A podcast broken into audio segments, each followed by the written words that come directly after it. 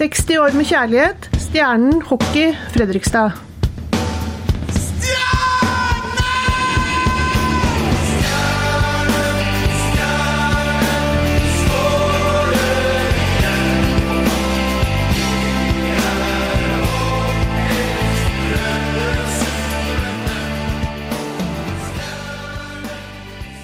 I denne podkasten så skal vi jo ta for oss bygginga av nye Arena Fredrikstad.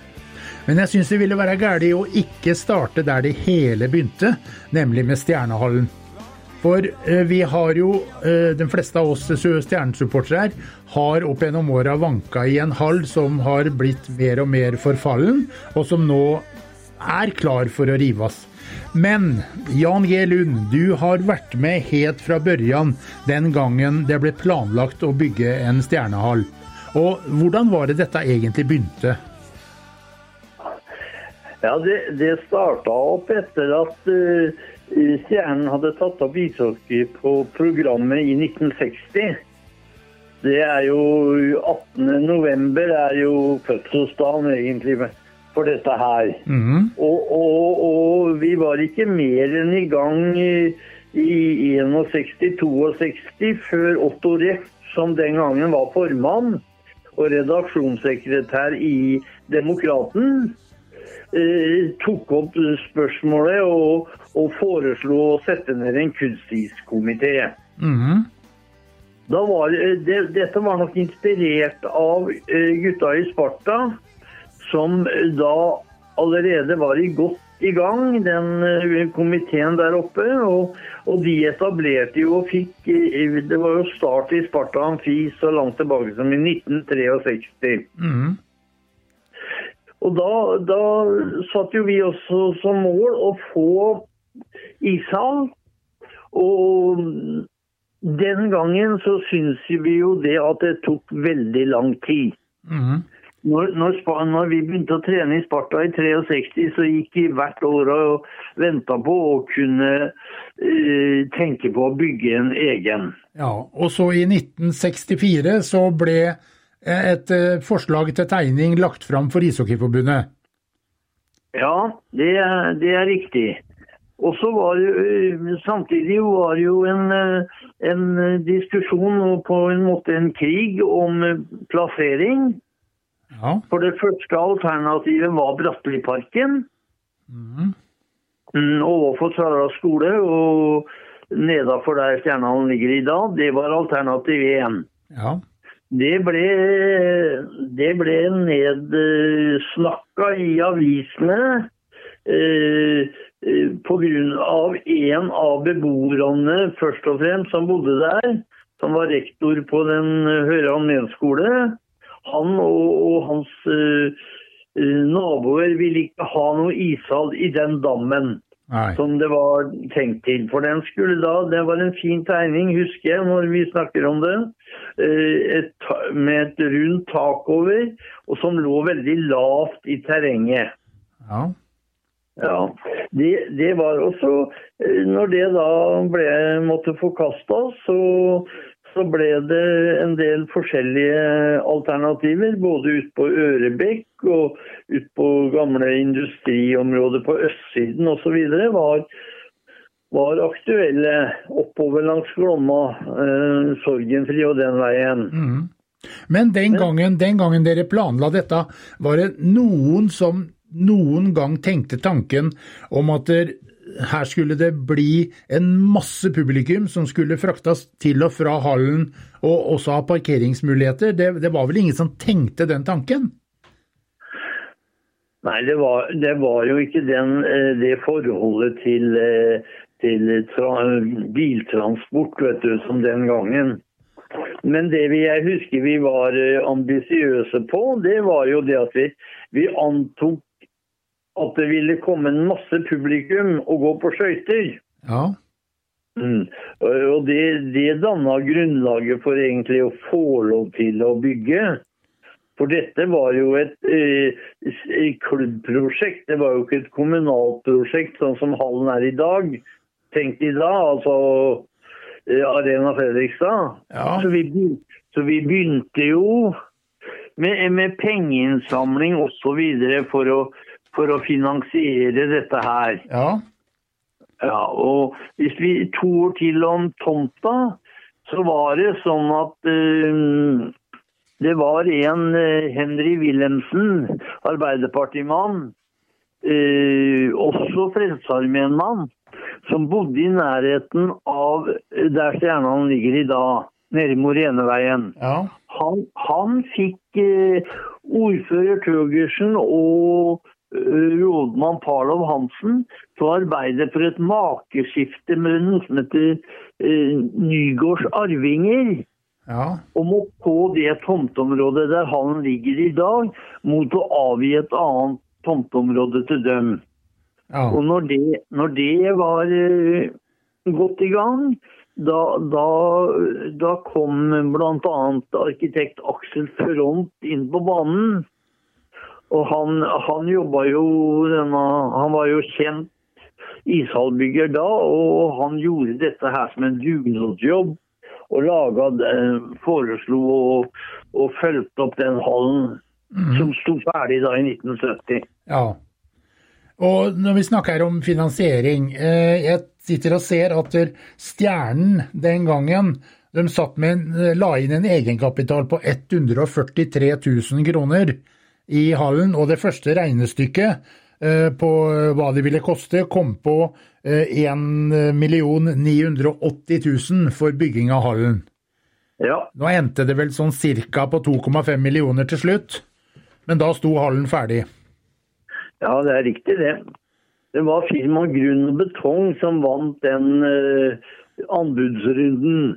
Ja, Og det var vel en tre-fire firmaer til som var med. Men eh, den- dyreste var på 2 millioner og 50 000, så det var ikke så store forskjellen. Men allikevel så var det så stor forskjell, så de billigste vant. Men, men det, ikke det, billig, det hadde ikke blitt det billigste, for det var mye som de ikke hadde på plass, mm. som var nødvendig underveis. ja.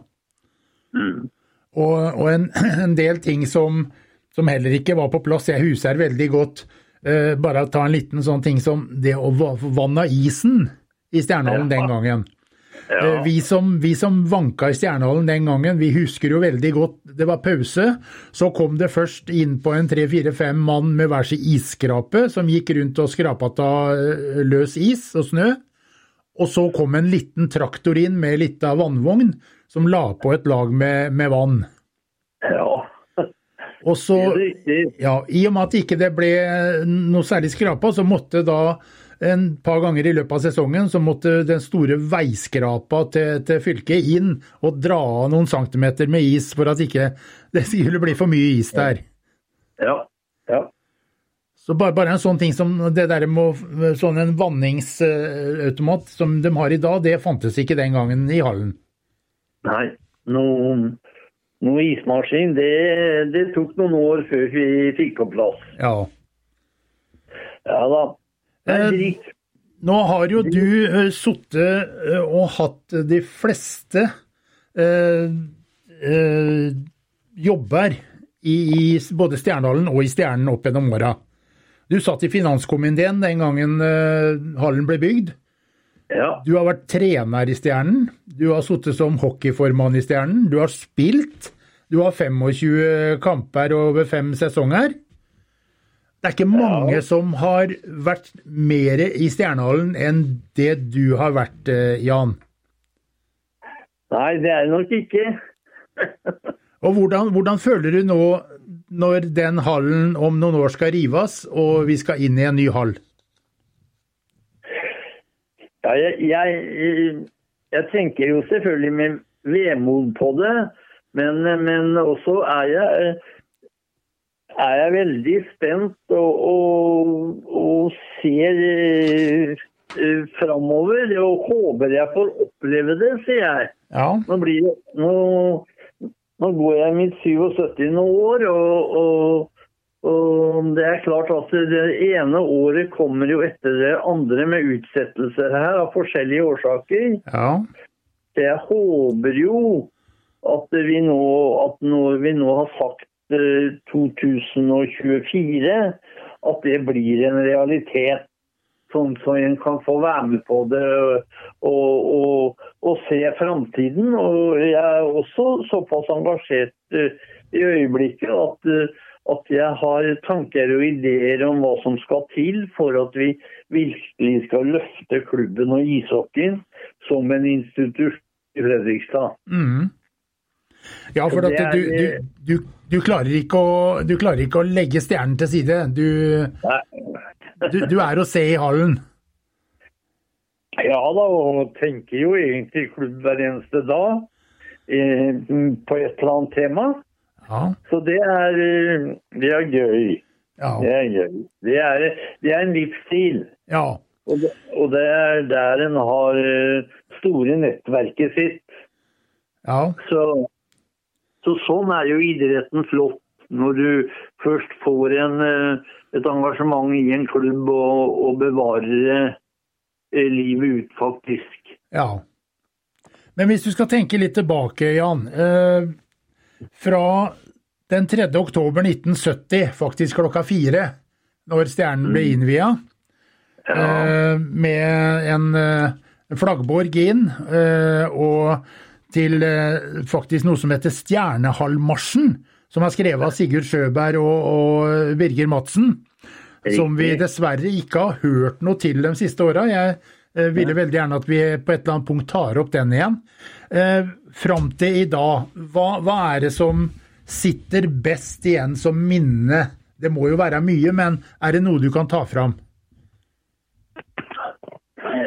Ja, altså De forskjellige utviklingstrinna med tribuner osv., det, det betyr jo Har betydd en del for meg. For det har jeg, det har jeg vært involvert i. Både Golanhøyden og, og ja, garderober nede, der vi først hadde klubbrom. Og, sittetribunene, som jo til å begynne med var bare ståplasser osv. Mhm. Det, det, det, det ser jeg med glede på. Når det gjelder selve sporten, så har jo den utvikla seg noe veldig. Ja, Eh, sånn som det har blitt. Da vi starta opp, så hadde vi en særavtale med Fredrikstad kommune om, å- om å ha 17 treningstimer i uka til en redusert pris. ja, Og det, og det greide vi oss med. Men det gikk jo ikke så lenge før vi, vi gjennom da vi starta ishockeyskolen med, med, med 100-150-250 unger etter hvert i løpet av 80-tallet, at det eksploderte med, med lag i alle klasser og sånn. Og det, det har jo egentlig vært mitt eh, eh, hjerte, da, det, dette med å drive aktivitet for barn og unge. ja, Ja, og, og, og samtidig da vært med og lagt til rette for, for at de skal bli så gode som mulig, de som har gode forutsetninger. ja. Og et trivelig miljø for alle sammen, egentlig. Det, det er hovedtanken, og, og det, er det, det er det fortsatt. Ja, og da må det jo glede deg at eh, i nye eh, Arena Fredrikstad så kommer det to isflater, og da blir det plutselig plass til veldig mange flere ute på isen. Ja, ja. Det er helt riktig. og Derfor ser jeg også med glede på, på den utfordringen som ligger i det. Å kunne tilby f.eks. alle unger i Fredrikstad i, i skøytegåing i barne- og ungdomsalderen. Mhm. For å lære seg det. Akkurat som du nevner nå, at, eh, som vi snakka om. Dette her med at alle vil gå på skøyter eh, nå for tiden Ja, også i ditt område, så håper jeg det at vi kan greie å lage eh, tiltak som gjør at alle får sjanse til å gå på skøyter, selv om de ikke skal bli ishockeyspillere. ja, Ja, så, så det, det åpner jo muligheten for med to arenaer. ja. Og Vi kommer jo kommer senere i, i podkasten til å høre eh, litt fra Stavanger, og der har de jo faktisk fire isflater liggende siden av hverandre, men føler at det ikke engang det er nok. Ja, det Jeg kjenner ikke detaljene der, men jeg kjenner jo Ernst Falk og har eh, jevnlig kontakt med han, som er ishockeyens far i Stavanger. Ja, Is- Ishockeyskolens far. rett og slett. Ja. og vi, vi, snakker jo sammen iallfall en gang hver 14. dag om, om utviklingen. Men der, Stavanger er jo en stor by. Ja. Og det kan jo hende da at Fredrikstad med vår størrelse Eh, kan eh, greie oss med to isflater. Jeg ser for meg det med god organisering og utnyttelse av istid, at vi skal ha plass til veldig mange aktiviteter for veldig mange unger mm. i en mhm. sånn arena. Ja. Eh, det er jo opp gjennom åra Jan, så har det jo kommet og gått utrolig mange eh, spillere i Stjernen. Du har fulgt de fleste? Er det noen av dem som du mener har betydd ekstra mye for, for Stjernen? Ja, det er det jo. På, på forskjellige måter, selvfølgelig. Eh, men eh, hvis vi holder oss til de som er eh, oss unna Ørjan, da. Som eh, er en innflytter. Ja. Men allikevel en eh, 100 eh, stjernegutt, så er det jo som spiller så er det jo Morten Finstad som, som klubbgutt. Mm. Som, og den lojale klubbgutten som aldri var noe annet sted, som, som rager høyt. Ja. Samtidig er det selvfølgelig fra, fra starten av de, noen av de gutta som var med helt fra Tollboklassen, før eh, før 1970. Eh, som, eh, og som har vært med som bare har vært stjernegutter. Terje P. Ja. Eh, Erik P., som eh, var byens første vinterolympier. Og så videre. Kompa. Ja. Per Hasselgaard som keeper, som også var med, var annenkeeper for Daljo eh, når vi åpna Stjernehallen i 1970 er, er jo sånne folk mm. som har betydd mye for klubben. Og det, det egentlig så er det jo et utall. Og no, noen har vi jo også vært med å, å eksportere. Ja. Først og fremst kanskje Trond Magnussen, som, eh, som til, kom tilbake igjen etter en eh, lang periode ute. Og, og, og med å skaffe seg et godt hockeynavn. både er vel den landslagsspiller fra Stjernen som har flest landskamper, er vel Trond. Ja. Svært, svært betydelig. Og så, videre. så det er jo et utall av folk, egentlig, når, når mm. du stiller det spørsmålet. Ja, og jeg, jeg må jo si jeg, jeg sjøl har jo banka i Stjernehallen siden eh, Stjernen rykka opp. Og, og, for meg så var det spillere som eh, Finn Arntzen, Dagfinn Darre, etter hvert eh, Kompa. Eh, med, med sinne, finurlige finter og, og, teknikk. Det var de som gjorde at jeg eh, kom tilbake til Stjernehallen. Og jeg vet at mange med meg den gangen kom dit for Det var dette vi ville se. Så for, ja, for meg så har disse spillerne betydd enormt mye. Ja, det er hyggelig å gjøre det. Og, mm, det, og det var jo en tid der ishockeyen var noe helt annet enn han er i dag, på en måte. Ja. Med tanke på at det, det, var jo en mye større lek og, og, og moro. Og, det var jo tid til å gjøre andre ting også. For disse guttene drev jo med flere ting. Du nevnte Finn Hansen. Kan, broren Asle var jo en større profil. Ja. Eh, som jo også var en god fotballspiller i FFK. Ja.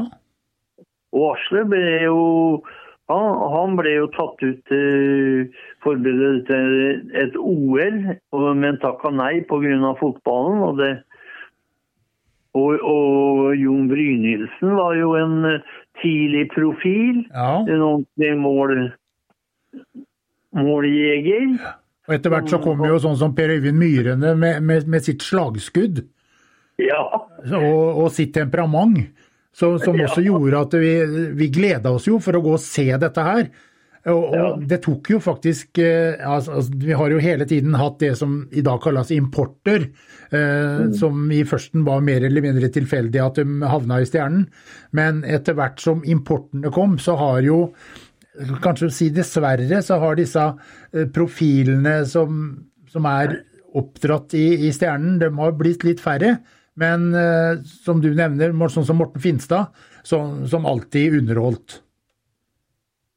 Ja, han var jo, han var jo en lagspiller og en, hadde en spilleforståelse helt eh, utenom eh, det vanlige. Ja. Og det, det, har ikke vært Jeg kan telle på er han av de som har kommet etter han, som, som har hatt samme forståelse for spillet. Etter min oppfatning. Mm. Ja, det er jeg enig med deg i. Så, og, og flesteparten av dem blir jo borte. Den, den, som er det nærmeste nå, er jo Emil Buskove. Ja. Som, som, jo har dette spillesinnet i seg. Ja. Mm, men vi har en borte som fortsatt spiller borte i Haugesund, som heter Martin Lund. Ja. Var, hadde forståelse for spillet som guttunge på alle nivå med Morten Finstad. Ja. Og vi hadde Anders, Anders Fredriksen som, som, reiste ut i 15-årsalderen for å bli hockeyspiller. Til, først til Røgle, så til uh, Frølunda, og etterpå vel i Skellefteå, hvis jeg ikke husker feil. Mm. For så å komme tilbake til Norge og Vålerenga, og, og ble norgesmester, og avslutta i Lørenskog. Det, det, er også sånn som han også kunne spille. Ja. Forsto spillet mer enn den fysiske hockeyen. Mm. Det er jo det de representerer, de jeg snakker om nå. Ja. Og det, det som dette faller ned på, eh, Jan vi, vi, sitter og har utrolig mange gode minner fra Stjernehallen.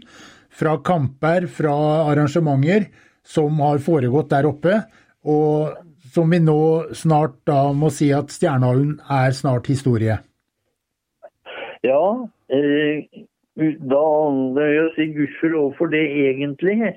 For selv om vi har kosta på en del, god del underveis, eh, så, så er den jo nedslitt og ikke tilpassa eh, moderne krav til et idrettsanlegg.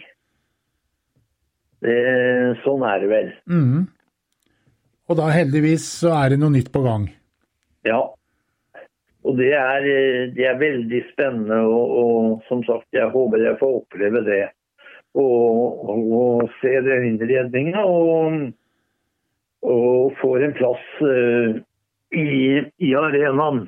Ja. Som en kan uh, være i en, få lov å være med i en del år. Ørjan han har sagt at han skal plassere meg i et horn på veggen, så så kan jeg sitte der og ta av igjen. Syvende far i huset? ja. Han tørre hjem. Ja. Men jeg, jeg, jeg får ikke før jeg kommer til nye arenasted, så da får vi se hvordan det blir. Ja. Men da får vi heller si at vi, vi som har vanka i Stjernehallen siden uh, hallen ble bygd opp, du har selvfølgelig vært der mye, mye mer enn meg. Jeg, jeg, føler at jeg har vært der veldig mye, men det er ingenting i forhold til hva du har vært, eh, Jan. Eh, vi kan jo da si at vi gleder oss til en ny arena. Og så håper vi at vi på åpningsdagen der kan ses og fortsette å, å mimre litt om eh, gamle Stjernehallen. Absolutt. Det, det skal vi, og takk for praten. 60 år med kjærlighet, Stjernen hockey Fredrikstad. 60 år med kjærlighet, Stjernen hockey Fredrikstad. I 1986 ble Stjernen norgesmestere, og dagen etter så sto vi en gjeng nede på Lykkeberg og så ordfører Gjermundsen stå ved, med sin sønn Pål Gjermundsen ved sin side. Pål sto med kongepokalen i hånda, og ordfører Gjermundsen lovte oss en ny ishall. Det har ikke skjedd. Det hørte også du, eh, Dagfinn Reinersen, og det grep du tak i. Og nå er dette på gang. Ja, nå var jo jeg en uh, pode den gangen, så det var jo liksom hva skal jeg si, et slags type startpunkt for klubben, egentlig. Uh, til å begynne å tenke ny ishall. Og, og, og sånn sett så fulgte jo ganske mange initiativ eh, gjennom 90-tallet og på 2000-tallet også om, eh, om, en ny ishall i byen. Og, og, det var jo foreslått veldig mange alternativer den gangen også, på alt fra ja, Brode, på Nabbetorp, på Trosvikstranda og på Verste og flere andre steder. Så at det var mange som prata mye, men det skjedde liksom ingenting.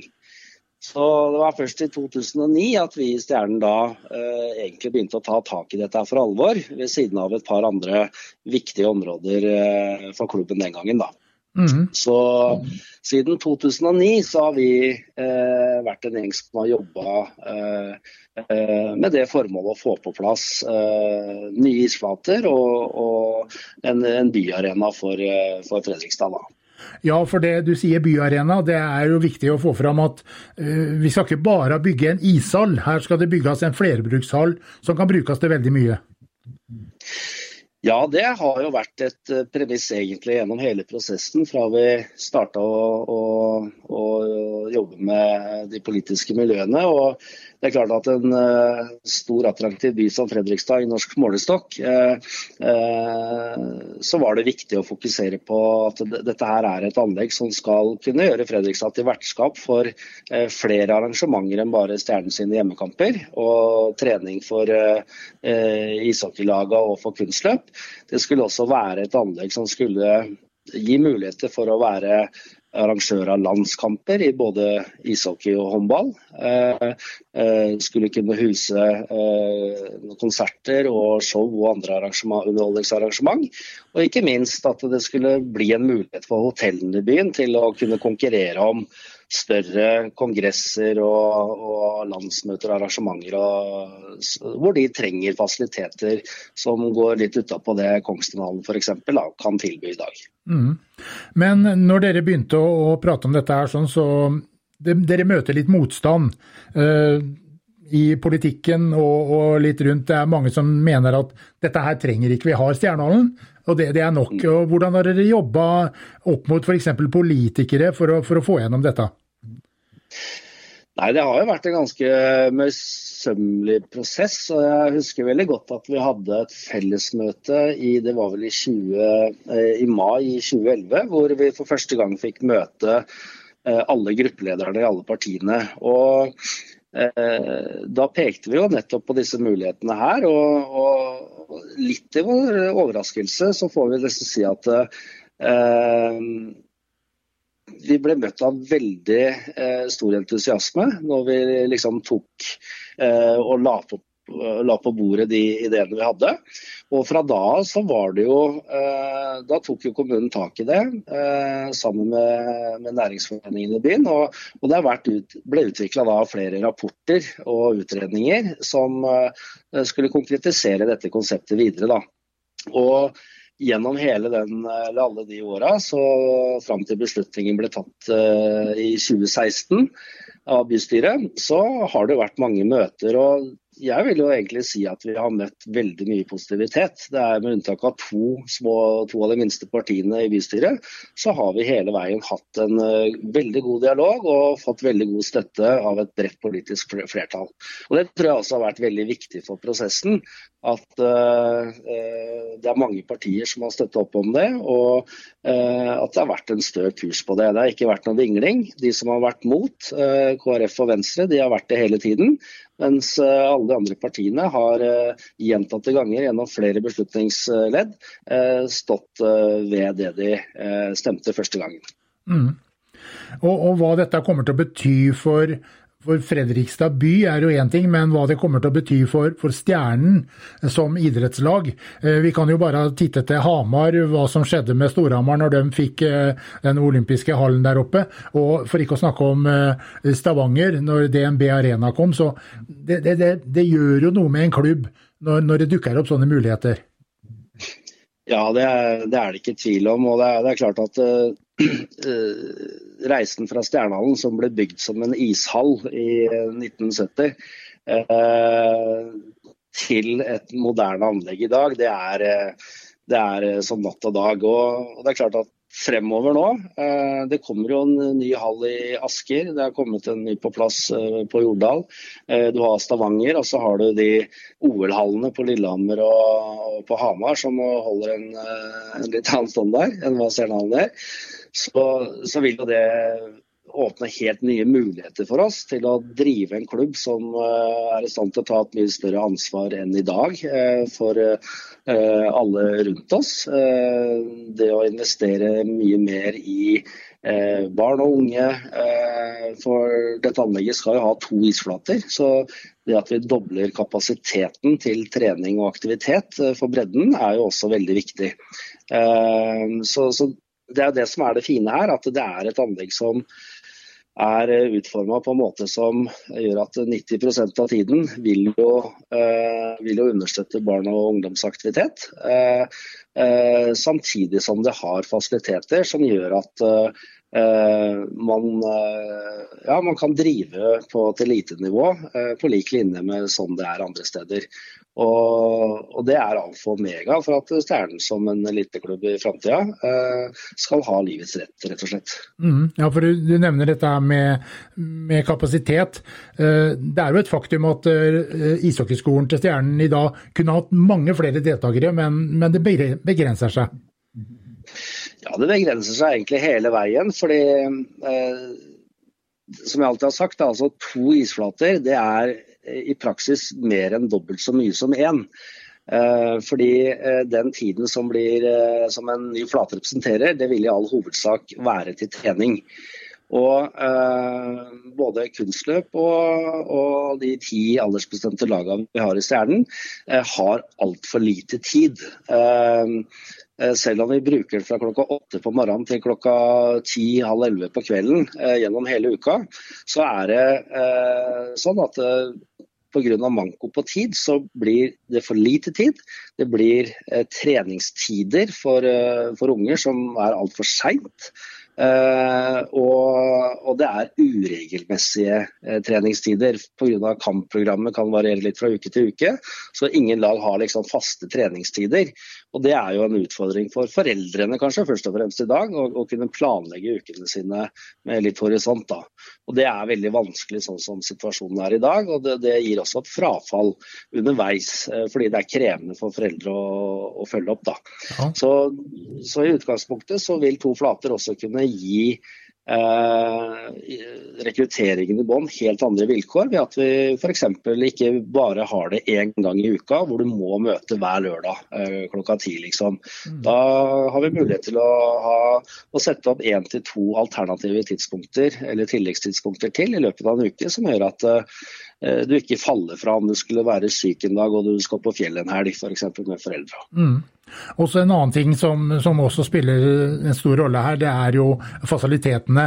Eh, altså det, det, å komme inn i en garderobe i Stjernehallen, det, det, det, setter seg et spor i deg når du har vært inne i den garderoben? Ja, det, er klart. Og det er vel ikke uten grunn at vi har blitt kåra til eh, Norges dårligste garderobeforhold i VG-sporten to år på rad. Eh, det er ikke noe hyggelig, det. Eh, men eh, det er klart at eh, gode forhold det dreier seg ikke alltid om at det skal være så fint og flott, men det dreier seg om plass. Det dreier seg om, om funksjonalitet.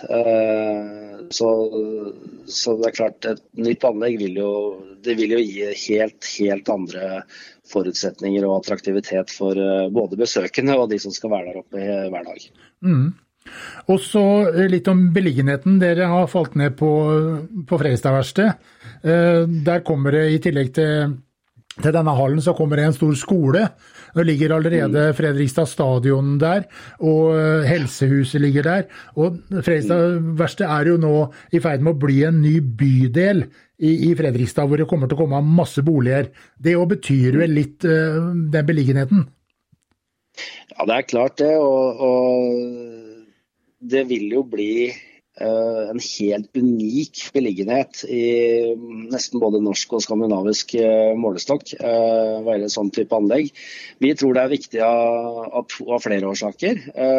det ene som du sier, at det vil bli liggende i en klynge med andre eh, funksjoner rundt, både i form av skoler, videregående skoler eh, med idrettslinjer. Eh, det at Olympiatoppen har en lokasjon der ute, at høyskolen med forskningsmiljøer osv. har en lokasjon der ute. At helsehuset er der, er jo også veldig bra. Men ikke minst så er det på en måte det at det anlegget blir en del av Fredrikstads fremtidige eh, sentrum. Eh, for hele verkstedområdet vil jo innlemmes som en helt naturlig del av sentrum, med elva i midten av, av, av sentrum. Da. Så, og det å få en plassering hvor du har eh, en så sterk og god utvikling eh, som det vil være de nesten 15-20 åra der ute, med boliger som representerer omtrent samme boligmasse som hele Lillehammer eh, sentrum. Det er liksom Ha det i, i to til fem minutters gange unna, det, det, er klart, det, det, er jo et eget marked i seg sjøl, med tanke på mm. både rekruttering og publikum og alt mulig. Så, så, så det er jo en krembeliggenhet med tanke på, på det. Og Et annet aspekt ved det også er jo at tilgjengeligheten fra kan du si, alle kommunens bydeler blir jo også unik.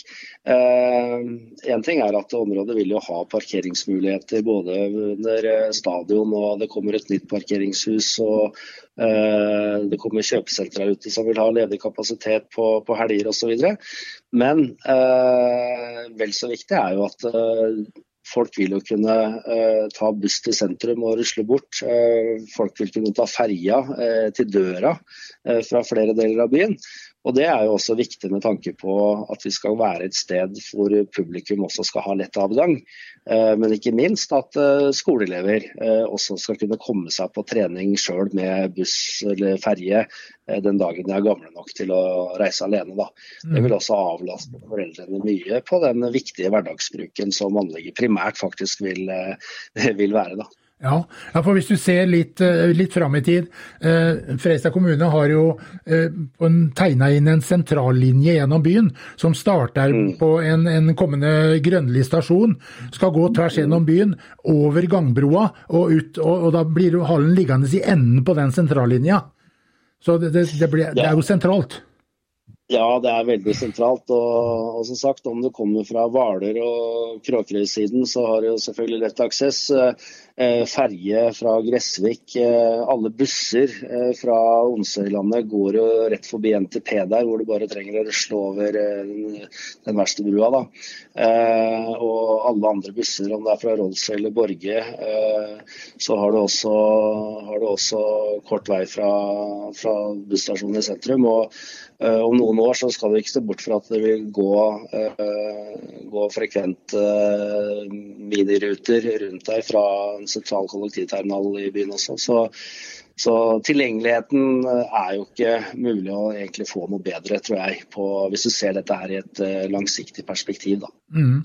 Og så, så jeg da som, som både fotball- og ishockeysupporter, jeg sitter jo og mm. ser hver gang Freistad spiller hjemmekamp så er det den strømmen av supportere kledd i rødt og hvitt som går over gangbroa fra sentrum, hvor de har sittet og hygga seg, og så går de over til stadion.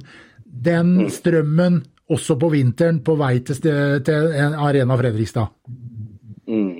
Ja, det er jo et uh, drømmebilde, det. Og, og vi har jo vi har jo fylt den stadionet med 12 500 tilskuere en gang før, eh, hvor, eh, hvor klubben arrangerte vinterklassikk, Og det å se det på vinteren eh, var jo helt magisk. Eh, nå er det ikke akkurat den kapasiteten vi, vi får i Arena Fredrikstad, riktignok. Men bare det å ha mennesker som beveger seg, som skal til noe, gå i samla flokk osv., det, er, det er et fint skue. Og, og, det håper vi selvfølgelig at eh, det skal bli, bli mer av. Mm. Og er det noe vi er i Fredrikstad, så er det patriotiske. Ja, vi er verdens uh, beste patrioter. Vi er glad i byen vår, vi er glad i lagene våre. Og, og, det å få den fellesskapsfølelsen som, uh, som lagidrettene kan, uh, kan få til, da, det, er, det, er, det, er, et lim i, i, hverdagen for veldig mange mennesker. Og hvis vi på toppen av det hele liksom kan få muligheten til å, å som man sier, skape mange, mange flere stolte øyeblikk for, eh, for, eh, for byen vår, så, så, så, er det en viktig kvalitet eh, for en by som Fredrikstad. Mm. Og Mot slutten her nå, Dagfinn. Når kan vi forvente at den første pucken blir sluppet i Arena Fredrikstad? Nei, hadde det vært opp til meg, så hadde det tatt uh, tre år fra beslutningen ble tatt i 2016. Men uh, nå er det ikke engang sånn. Men uh, nei, du vet, det er jo noen prosesser da, som Både noen lovpålagte og andre prosesser som, som må på plass. Det er arealplan som ble vedtatt rett før sommeren nå i fjor. Den måtte liksom på plass for å Eh, at dette skulle kunne gå videre. Og så det jo, eh, er det jo reguleringen av selve området der. Og så er det noen prosesser opp mot fylket og denne skolen og hvordan man skal detaljregulere hele området, som, som, er ting som dessverre tar fryktelig lang tid. Da. Uh, men sånn i utgangspunktet så er det jo nå lagt opp til at Eh, denne hallen skal kunne eh, eller arenaen skal kunne stå klar i, i 23-24 en gang. Eh, så det er litt vanskelig å si. Det er, nå Fram mot sommeren så er det en del viktige ting som må på plass. Og, men utgangspunktet er jo at vi, vi, vi må nok vente en, en, tre, en tre års tid til i hvert fall før, før det står klart. Skal vi da bli enige om at den dagen som eh, pucken skal droppes, så står vi begge to på tribunen i, eh, i Arena Fredrikstad, Dagfinn? Ja, det kan jeg love. Eh, antageligvis med en tåre trillende nedover kinnet også. 60 år med kjærlighet, Stjernen hockey Fredrikstad. En eh, vårdag i 1986 så sto den daværende ordfører Rolf Gjermundsen utafor Lykkeberganlegget med masse mennesker foran seg, en eh, nyvunnet kongepokal, og lovte at Fredrikstad skulle få en ny ishall. Det er 35 år siden, og nå begynner vi å nærme oss den hallen, ordfører Jon Ivar Nygaard. Ja, det gjør vi. Det er jammen lenge siden eh, det løftet ble gitt, men eh, nå er vi nærme målstreken. Kan ikke du fortelle litt om uh, den politiske reisa som, som denne altså vi, vi, kaller det ikke ishall, vi kaller det en flerbrukshall, for det er det det kommer til å bli. Uh, hvordan har dette reist gjennom det politiske miljøet? Ja, Det har vært en ganske lang prosess. Eh, nå starter ikke min historie tilbake til Gjermundsens løfte i 86, selv om 86 var et høydepunkt for Stjernen. Dette starta jo for en ja, jeg vil si ti til elleve år tilbake, hvor eh, en gruppe i Stjernen, eh, noen aktører rundt klubben, tok veldig tak i det med å skaffe ny eh, hockeyarena. Og da begynte de et lobbyarbeid mot det politiske miljøet i Fredrikstad. Mm. Og Det påbegynte for så vidt før jeg da ble ordfører, men man fortsatte jo da det arbeidet mot det politiske miljøet så øh, ble det jo selvfølgelig masse diskusjoner om hvordan skulle vi finansiere dette her.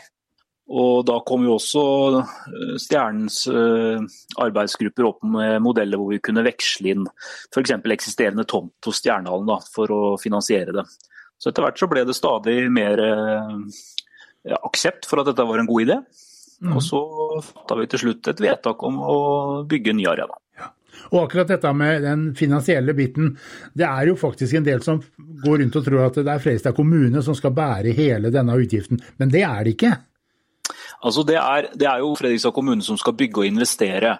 Men regnestykkene er litt mer kompliserte enn det. for eh, Det er jo ikke gratis å ha en gammel hockeyhall som holder på å dette ned heller.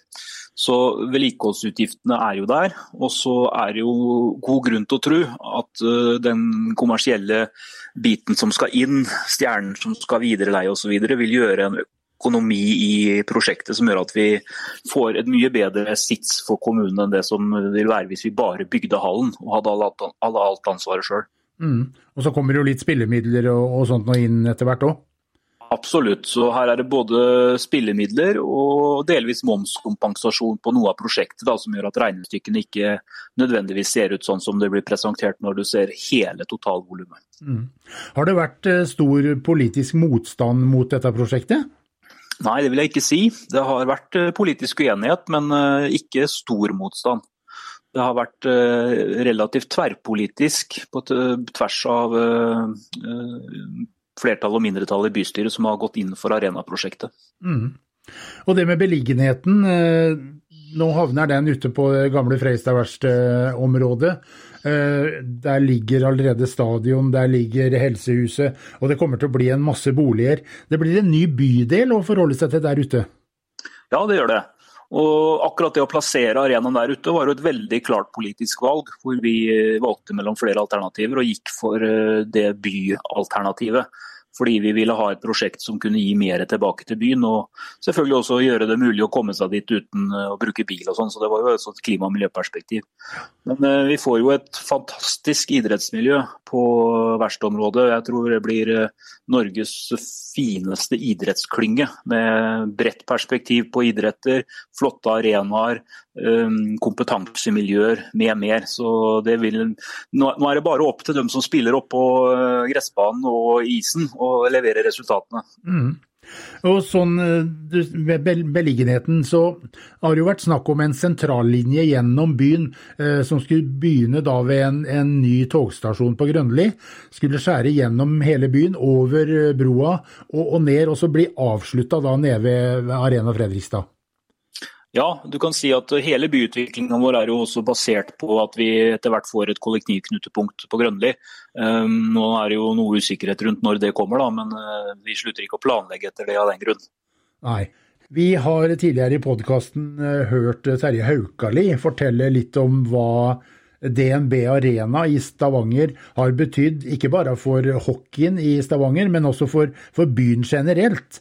Eh, det er vel litt der dere også håper at, eh, at denne flerbrukshallen kan, eh, kan, komme inn og, og, avlaste en del på resten av byen? Ja, altså Vi håper og tror at dette skal bli byens nye storstue. Og Så vil jo hockey være primære, men dette er jo som du sier en arena som skal kunne brukes til mer. og jeg har registrert hvordan man har klart å bruke nye arenaene sine i Stavanger til større arrangementer og festligheter og, og kultur. Så her er det absolutt bare muligheter. Mm. Og også da muligheten for å dra inn f.eks. større navn på konserter. Jeg ser eh, DNB Arena har nå booka a-ha for et par konserter, og noe sånt nå ville jo vært fantastisk å få til Freistad. Ja, absolutt. Nå hadde vi jo a-ha på, på, stadion når den eh, kom, så kanskje det skulle gjentas med a-ha i ny arena. Det hadde nok vært en dum idé. Nei. Eh, hva kan vi si om tidsplan framover? Det har versert eh, flere årstall, faktisk. Hva, hva, tenker du er realistisk med, med tanke på f.eks. byggestart? Ja, Det siste som sies nå, det er jo at det er realistisk med byggestart tidligst i 2022. Eh, og da tidligst ferdigstillelse 2024. Mm. Men eh, det er ikke noe som tilsier liksom at eh, prosjektet skal skyves langt ut i tid, eller noe, men det som avgjør nå er jo framdriften på reguleringsarbeid og den type ting. og Det er man jo ikke fullt ut herre over selv heller. Det kan jo komme ting som gjør at prosesser tar litt lengre tid osv. Men mm. det man sier er byggestart i 2022 og ferdigstillelse i 2024. Men da er det brukt begrepet tidligst. Så mm. her må vi jo bare ta høyde for at det kan bli forsinkelser. Men ikke, ikke av det dramatiske slaget. Nei.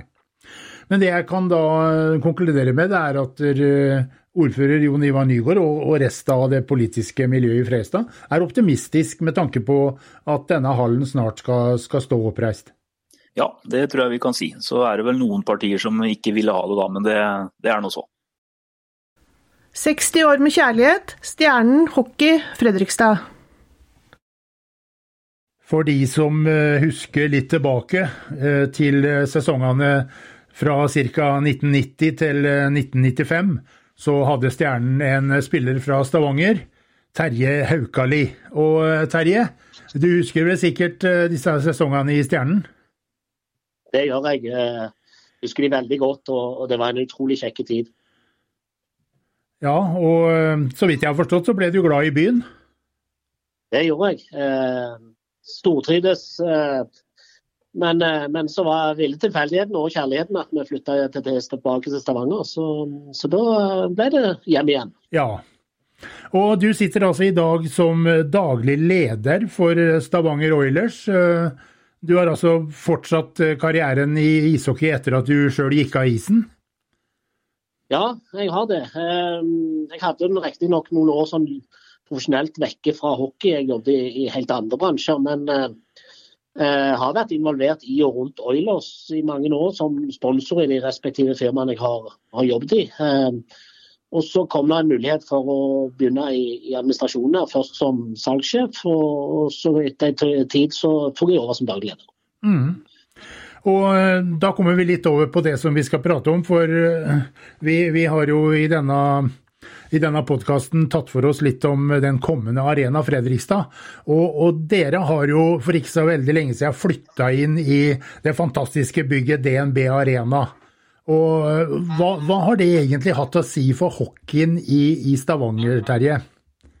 Nei, det, det, er ingen tvil om at det har hatt en enorm betydning. Eh, eh, Stavanger og Siddishallen var jo litt sammenlignbar med, med Stjernehallen i størrelse og like kald. Og, og, hadde sine begrensninger i forhold ja, det jeg godt. til produkt og hockey. Ja.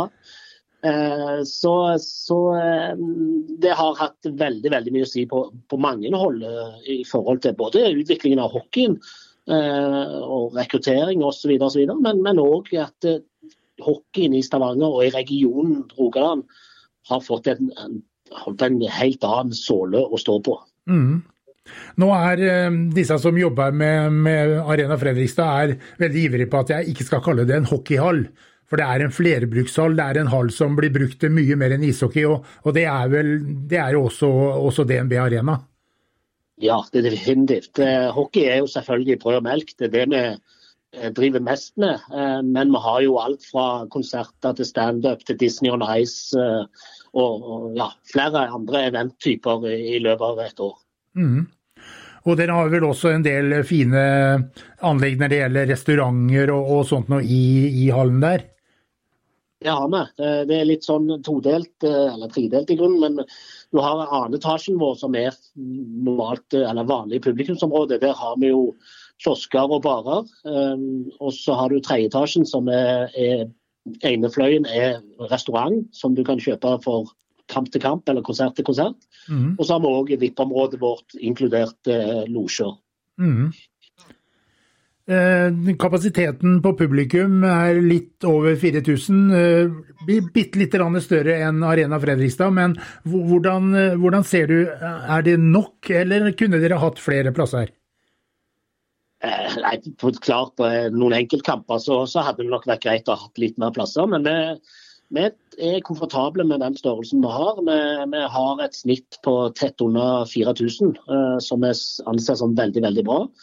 Eh, og ikke, det er ikke så ofte vi har hatt behov for at det skulle vært så mye større, men i noen enkeltkamper så hadde det vært greit. Mm. Eh, litt større kapasitet eh, når det er konserter og andre ting eh, i underkant av 6000 dere får inn? Det stemmer. Det kommer litt an på scenerigg og størrelse på scenen osv. Men, men fra fem, drøye 5000 til opp til oppimot 6000 klarer vi å få inn. Mm. Et uh, kjapt lite praktisk spørsmål, Terje. Hvor lang tid bruker dere fra isflate til konserthall? Uh, det klarer vi på et døgn. Et døgn? Ja. Og det samme tilbake igjen. Det vil si, vi, vi, har faktisk snudd om i løpet av Vi har hatt en kamp på, på, en torsdag, så har vi hatt en konsert på fredag og så har vi hatt kamp igjen lørdag. Så, så, det går veldig greit å snu om. Um, men da er det litt mer folk til pumpene. Ja, ja, selvfølgelig. Men uh, det er jo sånt noe som gjør en sånn en hall veldig bruksvennlig. Det er helt riktig. Og for vår del så er vi avhengig av å ha en annen aktivitet enn hockey. For vi er, vi, vi er jo et en, mer en bedrift enn en hockeyklubb blitt her. Vi, vi omsetter jo for tett opp i 100 millioner, og vi har en 30-40 årsverk. Så det er klart at vi er avhengig av noe mer enn bare hockey. Mm. Stavanger Oilers er jo en forholdsvis ny klubb. Eh, hvordan har det blitt tatt imot i Stavanger? Nei, det, det, det hadde jo sin spede begynnelse i, i, 2000, så klubben er jo ikke mer enn 20 år. Uh, og så var det starta som et bedriftslag i, i utgangspunktet av en finne som, som, hadde lyst til å ha et hockeytilbud. Mm. Eh, Så kom det til 2004, og da var klubben teknisk konkurs. Eh, samtidig var òg Tore Kristiansen kommet inn i klubben. og det er klart at Fra den dag og fram til i dag så ble det retta inn mot å få en ny arena på plass. Få kommunen med på laget, få næringslivet med på laget, få publikum med på laget.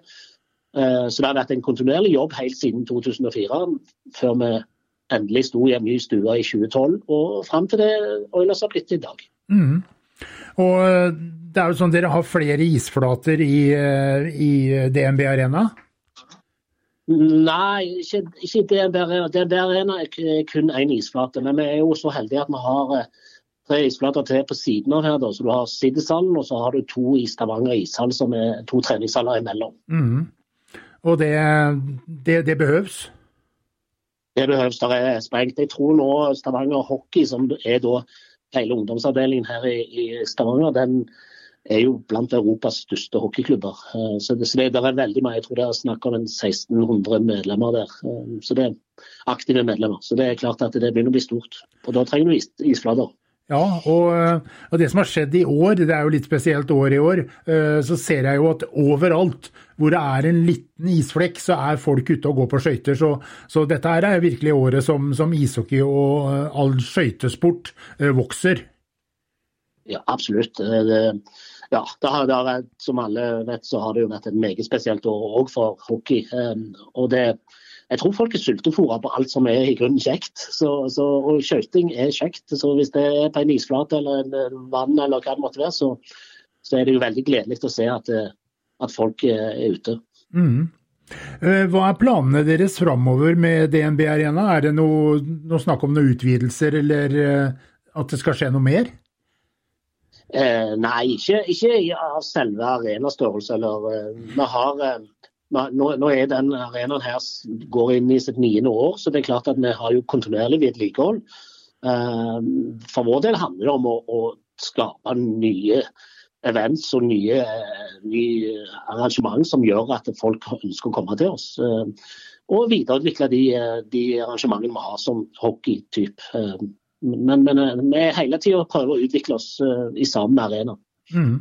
Jeg tok et kjapt søk, og jeg kan se at dere har booka a-ha for et par konserter?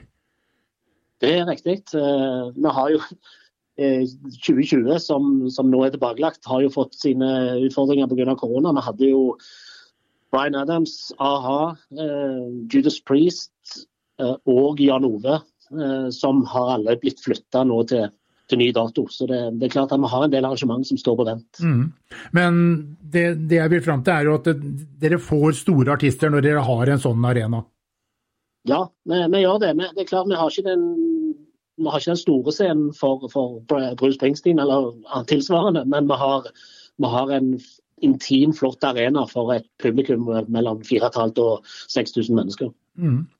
Jeg vet du er ganske godt oppdatert eh, på hva som skjer i Fredrikstad. Det har jo vært eh, komiteer eh, på besøk hos dere for å se hvordan dere driver? Det er riktig. og Vi er veldig veldig glad for at, at Stjernen og Fredrikstad skal få en ny arena. Vi er veldig glad for at Jordal står klar og at Asker snart er klar. for det at Eh, vi må videreutvikle oss hele, hele Hockey-Norge for at, eh, at vi òg skal bli flinkere. Eh, så dette gleder vi oss over. Mm. Jeg hadde I en tidligere podkast en prat med Tommy Kristiansen. Han liker seg veldig godt nede hos dere?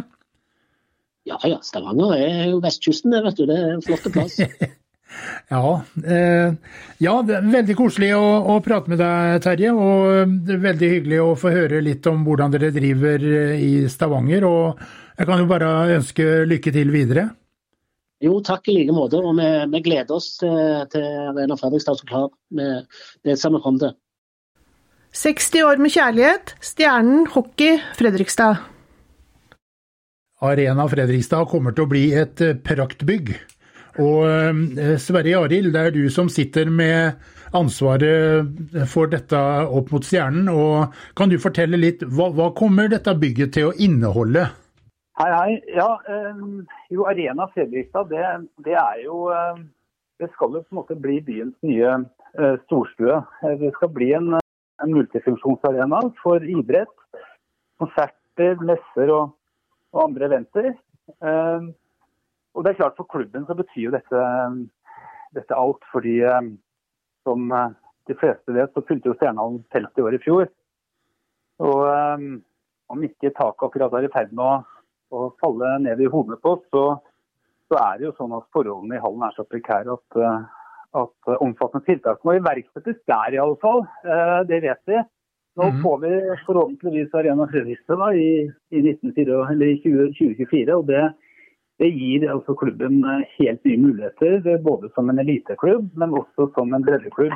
Ved at vi får helt nye, moderne fasiliteter som, som gir eh, de unge spillerne eh, mer is. Det er to isflater der. Uh, uh, det gir forhåpentligvis klubben, også lite, muligheter for inntektsstrømmer i form av, av, av servering og, og, og fasiliteter der, som gir, gjør oss i stand til å ha en bærekraftig drift av klubben. Mm.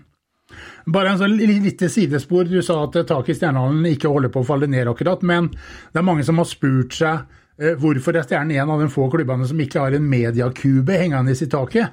Og det er vel nettopp derfor at da kommer taket til å dette ned.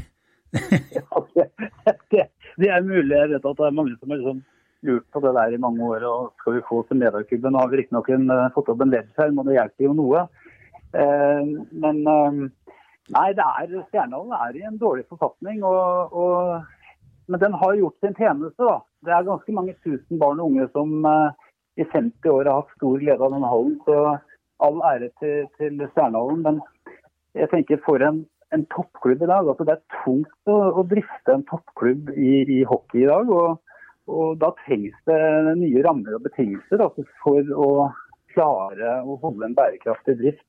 Mm. Så, jeg tenker at um, Arena Fredrikstad vil gi oss de, eh, de mulighetene. Men, eh, og ikke minst, da, så det er særdeles viktig det er at vi klarer å holde på spillerne våre og ungdommene. Og, og kanskje til og med da rekruttere enda flere barn og unge til den idretten vi er så glad i. Mm.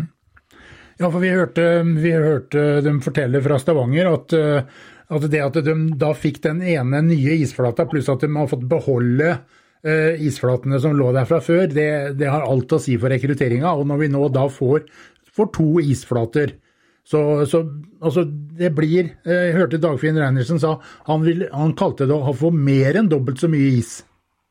Ja. Det er klart, eh, det leter Rolf, at eh, kapasiteten på de to isflatene som kommer på, på Kråkerøy i Arena Fredrikstad, den er allerede brukt opp. Og Det er jo riktig som du sier at i Stavanger så, så går det unna. Det er litt artig å se, da, eh, jeg har vært der et par ganger på, på studietur. og, og eh, de hadde vel, tror jeg, når de vi bygde eh, DNB Arena, så hadde de 180 aktive i, i ungdomsavdelingen sin. Og nå har de jo fire isflater der, da, og nå nærmer vel antall aktive seg 1000. Mm. Så det har vært en enorm eh, rekruttering eh, og interesseøkning, altså, eller voldsom interesse for, for Stavanger Oilers og, og hockeyen da, i Stavanger. Mm. Det, det mye. Det, det ser vi jo bare på, på rekrutteringa der. Ja, og, det, spesielt i år så har det jo vært helt utrolig interessen opp mot eh, det å, gå på skøyter og spille ishockey. Eh, Så fort det blir en liten frosen dam et eller annet sted nå, så er det jo noen der å, å gå på skøyter. Og, og du har vel eh, også dratt litt i trådene når det gjelder dette som har skjedd borte på vollgravene i, i gamlebyen. Og, og der òg vrimler jo av folk om dagen som veldig gjerne vil gå på skøyter og spille ishockey. Ja, det gjør jeg. Det er så morsomt å se. og så er det tusenvis av folk ute i overgraven her. Så det, det er morsomt å se. og det, det forteller jo i hvert fall meg da, at det er behov for uh, og det er behov for is. Og det er behov for å gi barn og unge muligheten eh, til aktivitet. Så, så det er helt klart Rolf, at, eh, at isflater det trenger vi mer av. Mm. Eh, Men bortsett fra at det blir isflater inne i den nye Arena Fredrikstad, så vil det også bli en del andre ting. Eh, Det vil bli restauranter, det vil bli eh, sånne VIP-losjer. Kan du fortelle litt mer om, om hva som dukker opp der? Ja, det kan du gjøre. Jeg, jeg, først, liksom, det jeg er veldig glad for, da, eller klubben, det er jo at, at Arena Fredrikstad ble plassert i byen. Eh, og Det er jo på en måte sånn byutviklingsgrep dette her òg. det å legge publikumsintensive tjenester til sentrum av en by, det, det er med på å vitalisere et bysenter. Og, og vi har jo allerede eh, Fredrikstad stadion der. Jeg tror det er viktig som et sånn byutviklingsgrep. Eh, For Stjernen er det også veldig fint, eh, med tanke på eh, ikke bare utøverne, men også alle som skal bruke hallen. Og da, da, er jo det å ligge i byen veldig attraktivt. Og jeg tenker når vi nå flytter inn i Arena Fredrikstad, så håper vi at vi da får gode serveringsfasiliteter, som vi er inne på. Vi, tegningene som det ser ut i dag, så, så er det en, en, restaurant på plan tre. Det er Vi har sportskafeer på plan to med mange kioskesalg. Vi har en kafeteria. Eh, og det er klart Alt dette her eh, gjør jo at eh, Arena Fredrikstad blir en mye mer attraktiv møteplass for hvermannsen, og ikke minst for samarbeidspartnere. Og Det håper vi skal bidra til å generere litt penger i kassa. Men, det å på en måte skape en, en, hyggelig opplevelse ved siden av hockeyen, og få folk til å kose seg med venner, hockey, mat og god drikke, det blir viktig. og det som det ser ut i dag, så, så er tegningene eh, de, de, lover godt i forhold til å få disse fasilitetene. Da, som, mm. som gjør at det blir hyggeligere å gå på hockeykamp. Ja. Og når vi er inne på det med beliggenheten, vi snakka med ordfører Nygård, og vi var da inne på at eh, Fredrikstad har jo, Fredrikstad kommune har jo vilt ha en sentrallinje gjennom byen, som starter ved den ennå ikke oppførte Grønli stasjon skal gå tvers gjennom byen, skal gå over gangbroa, over til verkstedet, og faktisk kommer til å ende opp ute på uh, der hvor Arena Fredrikstad skal ligge. Ja. ja. ja det blir jo en, en, stor og viktig del av det nye bysentrumet. Så, så jeg tenker det, altså Stjernehallen den, den, ligger jo fantastisk til oppi marka der, men, men det som jeg også uh, ser som uh, en fordel med å ligge Eh, ligge ved verkstedet, er jo det at barn og unge i større grad kan klare å komme seg til trening sjøl. Fordi vi har jo med den beliggenheten så kan folk ta bussen, de kan ta elvemetroen. Eh, vi ligger sågar også nærme togstasjonen. Det, det, er en lettere tilgang til hallen. Og, jeg tror at det blir en lettere logistikk- og treningshverdag da, for, mm. for at man skal bruke hallen. Så, så så eh, Det blir en helt ny eh, opplevelse for de fleste, tror jeg. Eh, selvsagt så blir det jo sånn at man ikke kan parkere som man kan i dag i Stjernehallen. Så det blir jo en litt sånn, en ny greie. Men plasseringen på verkstedet tror jeg er, er en fordel altså, for, for, alle som skal bruke hallen. Mm. Men, men, du, du snakker om det med parkering. Eh, for oss som har brukt hallen i Stjernehallen i mange år, altså vi har jo stått i kø i timevis for å komme ut og inn av den parkeringsplassen. Og så, ja. så nå, nå, kommer du altså til et sted hvor det faktisk er parkeringshus uh, innen noen minutters gange. Uh, og, og, det er parkeringshus med, med nesten uendelig kapasitet, i motsetning eh, hvis du tenker litt til Oslo, hvor uh, Oslo kommune nå har bygd nye Jordal Amfi med parkeringsmuligheter for jeg tror det er 50 biler eller noe sånt nå. Ja, ja. Så, så, så, den biten er, vil jo også være noe som publikum kommer til å ta til seg, at man kan faktisk kjøre veldig nærme, og så er det lett å komme seg bort derfra etterpå. Man slipper å stå i kø ut fra en parkeringsplass i to timer før man kommer hjem. Ja, det, det, det, er som du sier, er jo, Vi har jo et stort parkeringshus i, um, i uh, uh, Fredrikstad stadion. Og, og, det vil nok også komme flere parkeringsplasser ut i den uh, dokka der òg. Så, så, det vil jo løses. Men jeg tror også det at folk kanskje i større grad kommer til å endre litt måten de, de ja, altså, Jeg tror man kommer til å bruke offentlig transport i større grad også med årene. Så jeg tror det kommer til å løse seg. Ja. Eh, og jeg tror, at, eh, jeg tror eh, det kommer til å bli, bli bra, ja. ja. Altså jeg, jeg, har en liten tanke om Man ser jo hva som skjer hver gang Fredrikstad har hjemmekamp. Så samles folk i byen. Uh, om sommeren riktignok på ut, utesteder, men det er ikke noe problem å gå inn på vinteren. Og så når det nærmer seg kampstart, så går de i, i, i flokker over broa og til stadion med Det er flagg, det er vimpler, det er skjerf. Det er et fantastisk skue. Og hvis ja. vi kan få noe sånt nå på vinteren i forkant av, av hjemmekampene til Stjerne, vil jo være helt fantastisk. Ja, jeg er helt enig med deg. Det, du ser hvordan det er som du sier på disse Fredrikstad, når Fredrikstad spiller kamper, så er det byen er fylt opp av, av, av, publikum. og det med røde og hvite flagg. Og det, det, det, håper jeg at uh, vi kan se på vinteren nå, da, med, med Arena Fredrikstad liggende der han ligger. Så jeg er helt enig med deg at det Jeg tror at det vil kunne bety mye positivt det, for, for byen, også for næringslivet. Restauranter og, og um, ikke minst det. Så det blir bra. Ja, det er forhåpentligvis veldig bra. Vi, vi, gleder oss. Jeg gleder meg veldig. Jeg har vokst opp med Stjernehallen og, og vet hvor, hvor, slitt den er. og det Samme har jo du. Så, så dette her er jo noe vi, vi ser virkelig fram mot. Og, og, vi gleder oss. Det er vel snakk om en to-tre år, så kan vi kanskje håpe at vi kan, kan gå inn dørene. Ja, nå har jo på en måte det, den, den framdriftsplanen den, den, den, har jo på en måte endra seg litt underveis i prosessen. og Det har vært en lang prosess, som du har snakka med Dagfinn om òg. Men, men vi, vi, ser jo 2024 nå som er ganske realistisk. Da skal vi lytte til, til de folka vi jobber med i kommunen. Så, så, så tror jeg 2024 er realistisk. Så, så vi ser fram til det her. Det blir en veldig flott arena. og jeg, jeg kan jo si litt grann, I arenaen sånn innholdsmessig så, så, blir det jo slik tegningen er i dag, så får vi tre plan.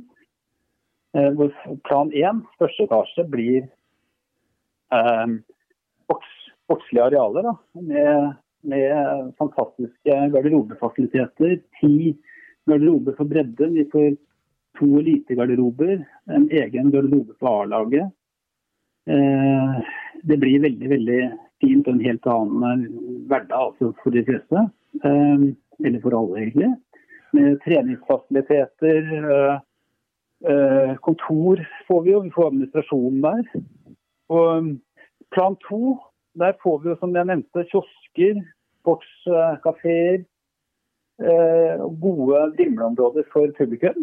Og så får vi et plan tre, som du da nevnte med med, med en restaurant og, og bedriftsbokser, kan jeg like å kalle det, eller VIP-bokser som noen kaller det. Mm. Som også vil være en sånn viktig eh, inntektsdriver for oss.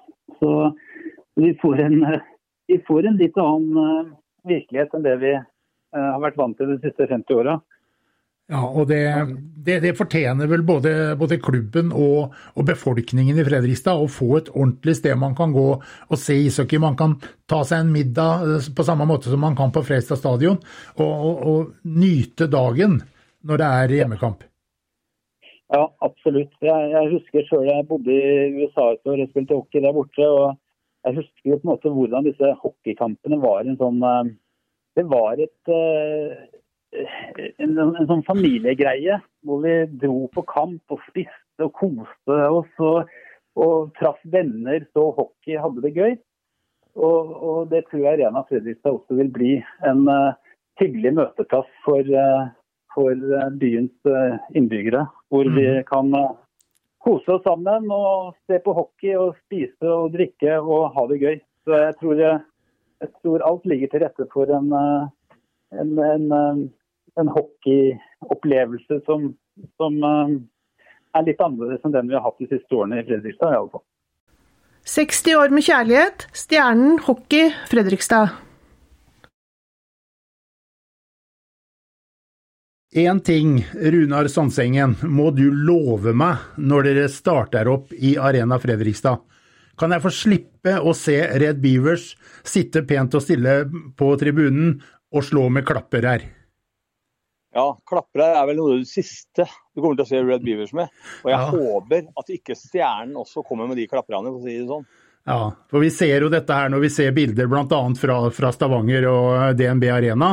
Så, så, sitter alle pent og pyntelig rundt, og så, og så, slår de med sånne klapper her. Hvis det er noen som ikke vet hva klapper her er, så er det to sånne oppblåste plastsaker som man slår sammen for å få lyd. Og det er noe styggedom. Ja, det er ikke noe for eh, fans. Er, vi har mer tradisjon her for supportermiljø her i byen enn, enn Marius Stavanger, tenker jeg. Ja. Eh, det som er litt rart, er at jeg husker jo veldig godt den gangen eh, Stavanger spilte hockey i, i den gamle arenaen, i Cityshallen. Ja, ja. Og da var det jo ikke sånn. Da var det jo supporterne der på samme måte som det det er i Stjernehallen. Men så har de blitt da så pene og pyntelige etter at de kom inn i ja, de har jo det. Men det kan jo være litt med at de har sjelden eh, motstandssupportere og sånn her nede. da. Det er jo nesten bare hjemmesupportere. ikke sant? Altså, eh, her i Fredrikstad eller Øst, Østlandet, da, der har vi jo liksom som regel noen supportere fra andre sida som du kan synge litt mot. og lage litt mer stemning i hallen med at du har litt eh, synging fram og tilbake blant supportere og sånne ting. Og det har de jo ikke i Stavanger. Så der blir det mer å liksom å bare hause opp sine egne. da, Litt sånn NHL kjører dem, da. Mm. Men hvordan ser du for deg dette at dere skal inn i, i, i den nye Arena Fredrikstad? Eh, det er vel da tegna inn bare sitteplasser? Ikke bare sitteplasser. Det er vel eh, 300 ståplasser òg, til oss. Og noe bortesupportere, tror jeg. Det er jeg rimelig sikker på, for ja. vi har blitt lova ståplasser, vi Red Beavers. Den gangen Vålerenga spilte jo to sesonger i Oslo Spektrum. Stemmer. Og der er det bare sitteplasser. Og klanen nekta plent å sitte. De sto oppå tribunen. Og eh, de ble også veldig forarga når eh, Oslo Spektrum slapp ned mikrofoner over hodet på dem for, for å mikke opp lyden. Da flytta de seg bare. Så, ja, altså, ekte supporterstemning, da skal man stå. Man skal stå. Og jeg mener jo også at uh, stående supportere er veldig viktig for alle idrettsklubber. Uh, hva hadde Djurgården eller mange av de andre store i Sverige vært for noe uten de stående supporterne? Eh, så å si ingenting. Det er ganske viktig å ha stående supportere som er med med flagg og synger og får opp stemninga i hallen. Så ikke man trenger å bruke bare musikk fra musikkanlegget. For å bruke musikken på musikkanlegget er også en uting, mener jeg. da. Så, mm. Men, men det er supporterne sin jobb å få opp stemninga i hallen. Eh, så det er viktig at man er mange òg, da. Så får jo håpe at eh, vi blir en del flere enn det vi er i dag. I dag så er vi kanskje rundt 100 stående. Mm. Man trenger minst kanskje 300 for at man skal klare å dra i gang en hel hall hele tida, for å si det sånn. Mm, ja. Når man ser nå når Fredrikstad har hjemmekamp på stadion, så samles veldig mye folk nede i byen på, på restaurantene. Og så går man over broa og bort på stadion i, rett i forkant av kampen.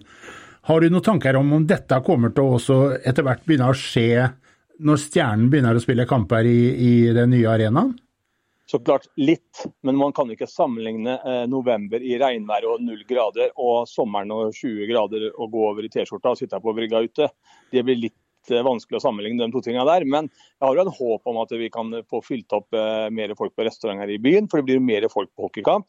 Så jeg håper at det blir en tradisjon, at man kanskje vil da være litt mer i byen, og så da gå over. Men ikke sånn som fotball. Det, det, det går ikke an å sammenligne 20 grader og 0 grader, for å si det sånn. Nei. Men, men dere, dere, har vel prata, dere gleder dere vel til, til, å komme i den nye arenaen. Hvordan er stemningen blant supporterne? den er veldig spent. Uh, vi bare gleder oss til at de får sortere spaden ordentlig i jorda, sånn at vi ser at ja, nå er de skikkelig på gang. Uh, og så gleder vi oss til å liksom, være med litt på å forme den nye, nye, hallen, med at vi har en del stående supportere og sånt nå. Så det blir en tradisjon fra først av at man har mye stående supportere. At man eh, kanskje være med på å lage den greia fra først, så altså ikke det blir sånn at det bare blir sittende supportere. da, for å si det sånn. Så det, det, viktig, det, har en viktig rolle, mener jeg, Red Beavers. da, og Det er å, å få, få, i gang den stående seksjonen veldig fort. Og, og, og, så mange som mulig. Få med mye nye folk. Håper at det er en del uh, nye som kanskje får interessen for å stå, så ikke alle bare skal sitte og spise popkorn, for å si det sånn. Mm. For at altså Jeg har jo vært med da helt siden eh, Stjernen rykka opp første gangen fra Stjernehallen. og Da var det jo bare ståplass her. Og det var jo en, eh, en, del sesonger der som det var utrolig stemning i hallen. Eh, og det, det, det, må jo være noe sånt noe som dere er ute etter å prøve å få i gang igjen? Ja da, uten tvil. Det er jo det, man vil. For Det er jo det alle snakker om fra før til liksom, når det var liksom to timer før, og det var stå, ståplasser rundt hele hallen. Og det var stemning like mye på nordsida som det var på vestsida eller hvor, hvor, som helst i hallen. Så var det jo ordentlig stemning før i tida. Mm. Eh, den tida kommer nok aldri tilbake på den samme måten. Men uh, det er mange ting man kan gjøre for å få bra stemning i hallen. Mm. Si sånn. ja. Uh, og Fredrikstad er jo en såpass stor by, så det bør være muligheter å få mange nye til å være med og stå. Uh, som jeg sier, Bivers er rundt 100 i dag. Få øka den til i hvert fall 250-300, det, det bør ikke være noen umulighet, mener jeg. da. Og det, det, kommer jo selvfølgelig litt an på, på hvordan laget gjør det, men nå, nå har vi jo snakka med, med, Stjernen, og de forteller de bygger jo lag fram mot Arena Fredrikstad. At de da, samtidig som de flytter inn der, også skal være et av topplagene i Norge. Og det vil jo selvfølgelig hjelpe på. Uten tvil. Og det, det er nok veldig viktig at vi er oppe blant eh, topp fem. De to sesongene før også, for å si det sånn. Og den sesongen vi går inn i ny ishall, så bør det jo være, være i toppen i Norge. Det, det bør vi jo være. Mm. Eh, både, både, for interessen og eh, for byen så er det viktig. Ja. Hva tror du det vil si for Stjernen å komme inn i en ny hall? Ja, Det har alt å si. Eh, folk er ikke som det var i 86, når du og jeg og alle andre sto i Stjernehallen og det kalde pølser og varm brus og sånn, den tida er forbi. Så I dag så skal jo folk ha De vil jo gjerne ta seg en øl borti hjørnet der og sitte og prate med eh, kollegaer og venner. De vil ha seg kanskje noe ålreit god mat. Eh, noen vil ha med seg barn eller barnebarn og sitte og spise popkorn og liksom ha det uh, varmt og godt, da, for å si det sånn. Mm. Det, det, har jo ikke Stjernehallen. Stjernehallen er, er, jo så utdatert som det går an å bli. Mm. Eh, drar man til Stavanger eller drar til noen svenske klubber, så ser du der har du store klekker som eh, lager bra liv, og så har du liksom familier som går på hockeykamp og spiser popkorn og koser seg og spiser en god mat. og og sånt noe. Så det tror jeg er noe som vi må ha. På mhm. sikt så må vi bare ha det. Det kan ikke være sånn som det er nå, for å si det sånn. Og vi hørte jo eh, tidligere i podkasten her Terje Haukali. Eh, som jo spilte noen sesonger for Stjernen og kjenner Stjernehallen veldig godt. Han fortalte jo hvor mye den biten betyr for eh, Stavanger, for Oilers at eh, folk kan komme, de kan få spise en middag, og så kan de gå og sette seg og se på, på kampen. Hvor mye det betyr rent økonomisk for klubben? Ja, det, det er nok masse penger det er snakk om. Og så er det jo snakk om det at vi må få, få sporten ut til andre folk enn den faste 1200-1300 som går i Kjernehallen, for å si det sånn. Eh, vi må jo få at du har bedrifter i byen som kanskje kan ta med seg andre bedrifter og så møtes i eller nye hallen da, og ta seg en god middag og prate sammen og se en hockeykamp på en lørdag eller en, eller en torsdag.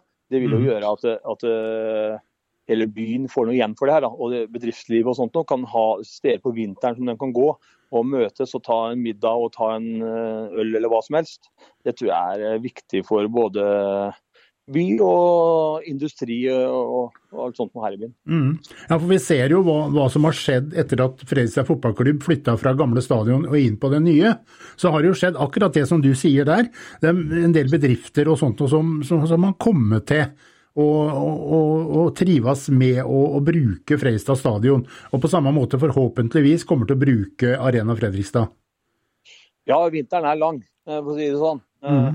Og, og hvis ikke du skal ha noe å gjøre da, så, så blir det ganske kjedelig. si sånn. Så, så, jeg tror det er veldig viktig at man har um, ja, kan ha, gå på hockeykamp, spise god mat, kose seg. Akkurat som man gjør kanskje på kino eller gå på en restaurant, så blir det like naturlig å gå på en hockeykamp og kose seg sammen med kollegaer eller eh, bekjente.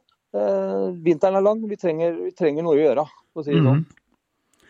På en skala fra én til ti, Runar, hvor mye gleder du deg til å komme inn i Arena Freistad? Den er jo ti, den. Det er jo ikke tvil om det. Jeg er veldig glad i Stjernehallen, jeg. Jeg har mye gode minner fra Stjernehallen. Men også være med på å komme inn i en ny hall og se eh, idretten vår som jeg er så glad i, eh, bli større og få masse nye folk på kamper. Og, håper Stjernen er i toppen, for å si det sånn. Jeg er jo litt lei av å være syvende- og åttendeplass, for å si det sånn. Mm. Så jeg gleder meg vilt.